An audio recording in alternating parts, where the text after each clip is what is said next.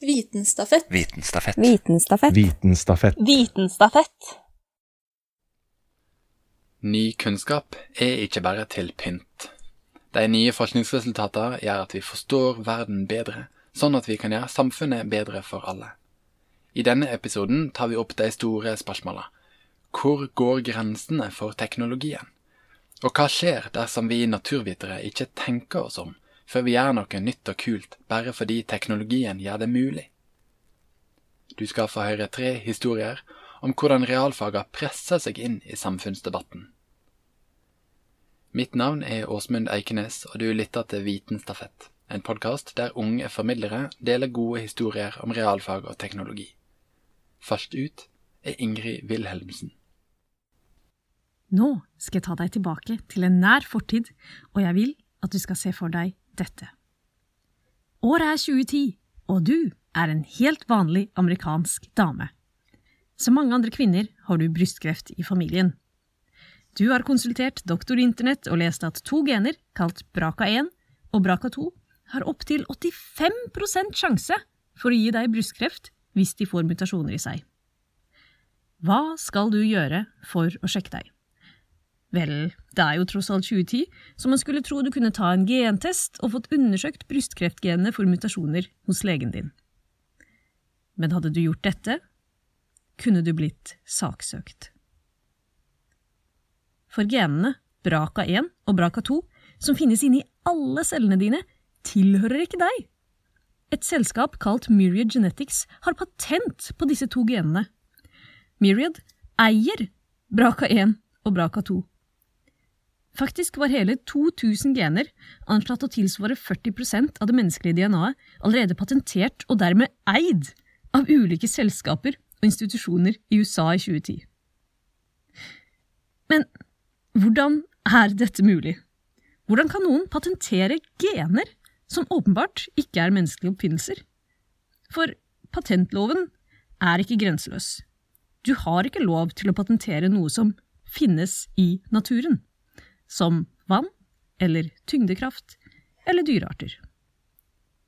Man skulle kanskje tro at DNA faller under kategorien finnes i naturen. Vel, nå skal du høre. Myriad tok først brakagenene ut av mennesket, kalt å isolere DNA, og så tok de patent på dem. Logikken var at akkurat den lille DNA-biten, det genet, som lå i bunnen av et Eppendorf-rør på laben hos Myriad, det fantes ikke i naturen. Patentet gjaldt likevel for alle mulige versjoner av genene, uansett om de skulle ligge i et prøverør, eller i meg eller deg.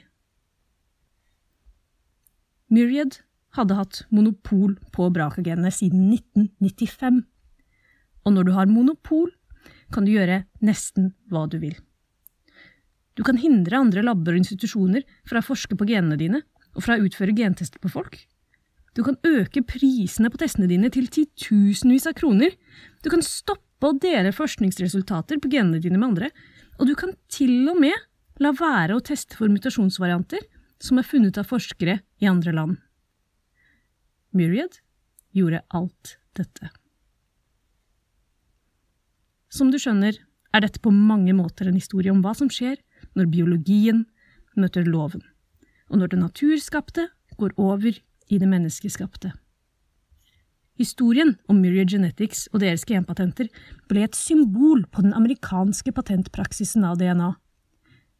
I 2010 gikk Association for Molecular Pathology til sak mot Myriad og deres patenter, og da saken hadde kravlet hele veien opp til den amerikanske høyesterett, var dommen endelig klar.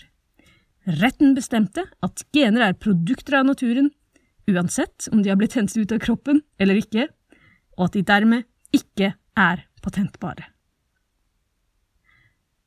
Dommen ble av mange feiret som en seier for livets verdighet i USA, og alle genpatenter i landet ble oppløst. Og kanskje vil noe lignende skje i Europa og Norge en gang i nær framtid, ettersom bestemmelsen om at gener er og blir natur, ennå ikke har blitt sagt i en rettssal på dette kontinentet. Vitenstafett. Det var biolog Ingrid Wilhelmsen. Stafettpinnen går videre til Henrik Baumann.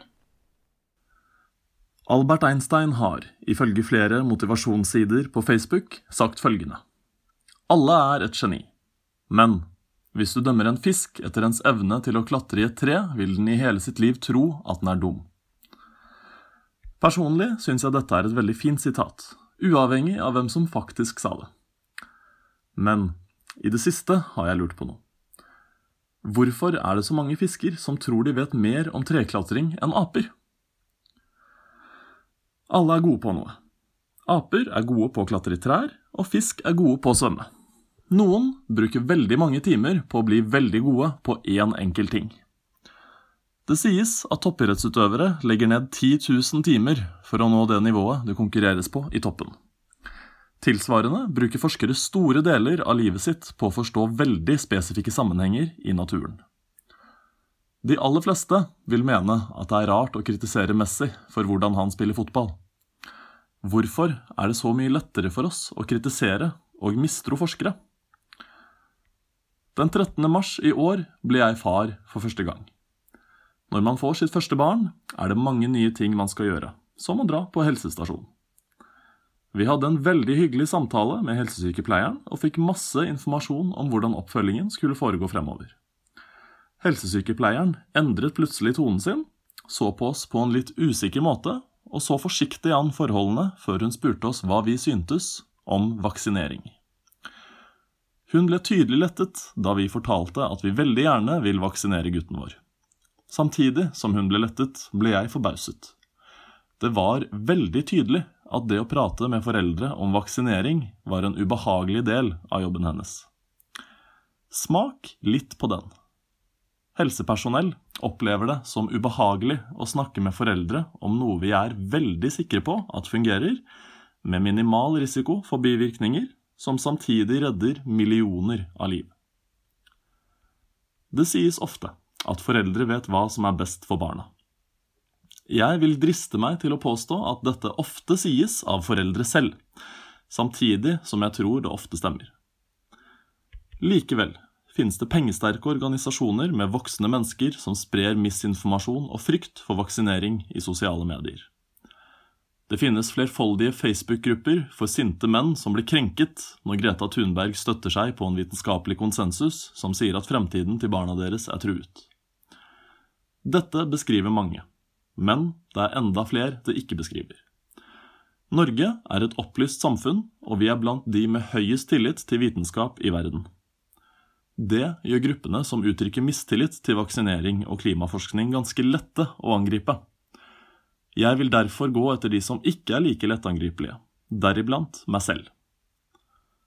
I tillegg til klimaforskning og vaksinering er det to andre vitenskapelige grener som i denne sammenhengen er interessante, nemlig genmodifisering og kunstig intelligens.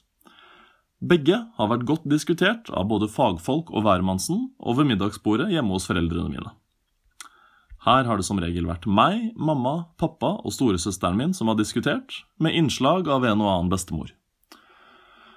Det disse fire temaene har til felles med hverandre, er det at mange har sterke meninger om dem, uten at de egentlig har et godt grunnlag for å mene noe konkret. Til forskjell fra vaksinering og klimaforskning er det ikke spesielt kontroversielt å mene det ene eller det andre om genmodifisering eller kunstig intelligens. Burde det være mer akseptabelt å ha meninger som strider mot eksperter, så lenge temaet ikke er kontroversielt? For ikke veldig lenge siden diskuterte vi risikoen ved å spise genmodifisert mat, samtidig som vi ironisk nok spiste store, deilige GMO-tomater. GMO er et område som presenterer mange etiske problemer og økologiske hensyn, men her var det kun snakk om det å spise organismer med DNA vi har tuklet med. Uten å gjengi hele diskusjonen vil jeg nevne ett argument i tilfelle du skulle kjenne deg igjen. Familien min mente at det kan være usunt å spise unaturlig DNA, og at det generelt er usunt å tukle med naturen. Jeg spurte dem tilbake om hvorfor de mente det er usunt. Begrunnelsen gikk ikke dypere enn at det er unaturlig og kunstig, og derfor farlig. Det er i og for seg ikke så rart, ettersom de ikke vet hva GMO innebærer i detalj. Selv om jeg ikke er en ekspert på gener og molekylærbiologi, vet jeg nok om det til at jeg føler meg trygg på at det ikke er farlig å spise. Etter å ha studert biologi vet jeg at vi har et maskineri av enzymer som bryter ned DNA til sine enkeltbestanddeler. DNA-molekylets byggesteiner er de samme, uavhengig om det er fra en modifisert eller naturlig kilde. Det er forståelig at man syns det unaturlige er skummelt, men det er samtidig verdt å spørre seg hvor menneskeheten hadde vært om vi aldri hadde tuklet med naturen. Selv om jeg stoler på genetikere og spiser GMO uten å tenke noe særlig over det, er det andre forskningsområder der jeg er minst like kritisk som alle andre, uten at jeg helt vet hvorfor. Jeg har, som mange andre, sett Avengers-filmen Age of Ultron, der en menneskeskapt robot bestemmer seg for at menneskeheten ikke er noe å spare på, for så å forsøke å utslette oss alle. Dette scenarioet er veldig skummelt, men trenger vi å være redde for at noe sånt kan skje? Flertallet rundt middagsbordet mente det, deriblant meg selv. Storesøsteren min, som studerer kunstig intelligens og robotikk, mener derimot at det ikke er en grunn til å være bekymret. Da vi hadde diskusjonen, ga det mening for meg at vi var enige om å være uenige. Ikke før jeg senere hadde hatt den tilsvarende diskusjonen med familien min om GMO, forsto jeg hvor lite gjennomtenkt dette egentlig var. Problemet jeg og storesøsteren min støtet på, var at vi ikke kunne benytte oss av fagkompetansen vår da vi diskuterte fagene våre med andre. Svært få av faguttrykkene vi vanligvis ville ha brukt, ville vært forståelige for de som deltok i diskusjonen. Dette er nok i stor grad det samme forskere opplever når de formidler forskning til en verden som allerede har gjort seg opp meninger om det de har forsket på. Motstanden de møter, er nok betraktelig større enn den du finner rundt et middagsbord. Poenget mitt er ikke at forskere skal få påstå hva de vil, eller at vi skal stole blindt på dem. Det jeg derimot håper vi kan begynne å gjøre, er å spørre oss selv hvorfor vi egentlig tviler på det forskere sier, og prøve å vurdere vår egen kompetanse når vi gjør oss opp meninger om ting som ligger utenfor vår egen ekspertise. Vitenstafett. Det var biolog Henrik Baumann. Temaet for denne episoden er demokrati, og den siste historia kommer fra Tamina Rauf. Kunstig intelligens er overalt i dag. Som en stille, men voldsom revolusjon omringer vi oss nå plutselig med mekanismer som basert på data og brukermønstre både kan forutsi og svare på alle våre behov og ønsker. Selv om dette er vel og bra, er det ikke sikkert fremtiden er like lys. For se for deg dette. Se for deg at du under et fremtidig middagsselskap sier Alexa, play some music from Spotify, og Alexa svarer Sorry, I only answer to men. Dette skumle scenarioet kan virke som en dystopi, men den er faktisk ikke så veldig langt ifra virkeligheten. Dette er på grunn av de som styrer dataen, robotene og algoritmene. Og på tross av oss menneskers desidert lavere intelligens, kan vi kalle dem kunstig intelligenses foreldre, også kjent som mennesker, eller rettere sagt bare menn. For det er nesten bare menn det er snakk om. Omtrent 75 av tech-verdenen globalt styres av menn. Det er flest menn som studerer IT- og teknologifag, flest menn som jobber innenfor tech-bransjen, og flest menn som har ledende posisjoner i alle mulige teknologibaserte firmaer. Da er det jo ikke rart at Alexa kun svarer til menn når hun bare har hørt de mennene som laget henne. Men det at det er hvite menn som pusher 50 som styrer om lag hele verden, er jo ingen hemmelighet for verken deg eller meg. Men det er viktig å påpeke, for når kun én gruppe mennesker nærmest har monopol på å skape og produsere noe, er det naturlig at det de skaper og produserer, er direkte, eller indirekte, rettet mot folk som ligner på dem selv. Og her er selve grunnlaget og essensen av denne podkastepisoden. Så hvis du skal huske én setning, så er det den som kommer nå. Like barn leker best, og de lager leker for barn som ligner på dem selv. Med dette i bakhodet kom jeg over et interessant sitat fra søkemotorenes mor, Karen Jones. Hun sa, data er for viktig for å bli overlatt til menn. Slik som meg selv så tviler jeg på at Jones hatet menn, tvert imot vil jeg tro. Jeg tolker heller sitatet ikke som et mantra fra en rødstrømpefeminist, men heller som en påminnelse på at teknologien er så altomveltende og dominerende at den er for farlig til å kun overlates til én gruppes hender. La meg fortelle deg hvorfor. Det har seg nemlig slik at dataprogrammer lærer ved eksempler. Så litt som oss mennesker som utvider vår empatiske horisont ved å møte andre nye mennesker, kulturer og besøke fremmede steder, vil algoritmene også brees ut når de blir matet med et mangfold av nye bilder og situasjoner de kan lære av og lære å løse. Og her er vi i bunnen av bøtta. Eller toppen av fjellet. I hvert fall så er vi ved det som er etterfulgt av et stort utropstegn, det o store problemet til tekksjåvinismen. For når en gjeng som styrer hele sjappa, er omringet av andre folk som ligner på dem selv, er det ikke rart at bildene de velger å mate algoritmene våre, er både like hverandre og like de tech-folka som matet bildene inn i algoritmen i utgangspunktet. Dermed går andre, mer mangfoldige grupper i glemmeboka, eller blir iallfall grovt underrepresentert i forhold til samfunnets oppbygning. Dette kan jo by på, som sagt, store problemer, for der hvor kunstig intelligens brukes, har det ved noen steder resultert i enorm forskjellsbehandling i rekrutteringsprosesser. Det har også i andre tilfeller endt i store rettssaker, som mot Amazon, da programvaren deres nektet å levere varer til områder med høy innvandrerbefolkning. Tenk bare så urettferdig og kjipt det må være om alle som bor øst for Tøyen T-banestasjon, ikke fikk varene de bestilte og betalte for. Vel, selv om dette er store og ikke minst skikkelig flaue og uheldige saker, er dette heldigvis ikke normen. Men det er likevel viktig å være var på den dominerende rollen kunstig intelligens har i hverdagen vår, og ikke minst hvem som står bak denne.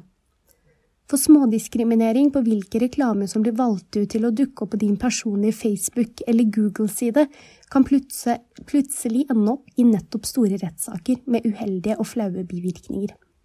I verste fall kan det faktisk endre hele verden med at de vi velger som ledere i samfunnet vårt, på ingen måte er styret av erfaring og prestasjoner, men heller nærmest håndplukket for å speile de som laget algoritmene i utgangspunktet. Så skal det sies til slutt. Det er ikke så lett å gå i antiteksjåvinistiske demonstrasjonstog med fakler veivende høyt og med sterke appeller på Torgplassen. Eller jeg tviler på at algoritmene og robotene bryr seg så veldig mye om det og vil la seg påvirke av protesten uansett. Men isteden så må vi heller tørre å ta del og forlange at teknologien vi omringer oss med til daglig, også driver fair play, slik som fotballklubbene vi så slavisk følger på TV. Da må vi begynne med å være kritiske, stille store krav og vise at slik som all annen diskriminering i samfunnet, godtar vi heller ikke noe tech-diskriminering.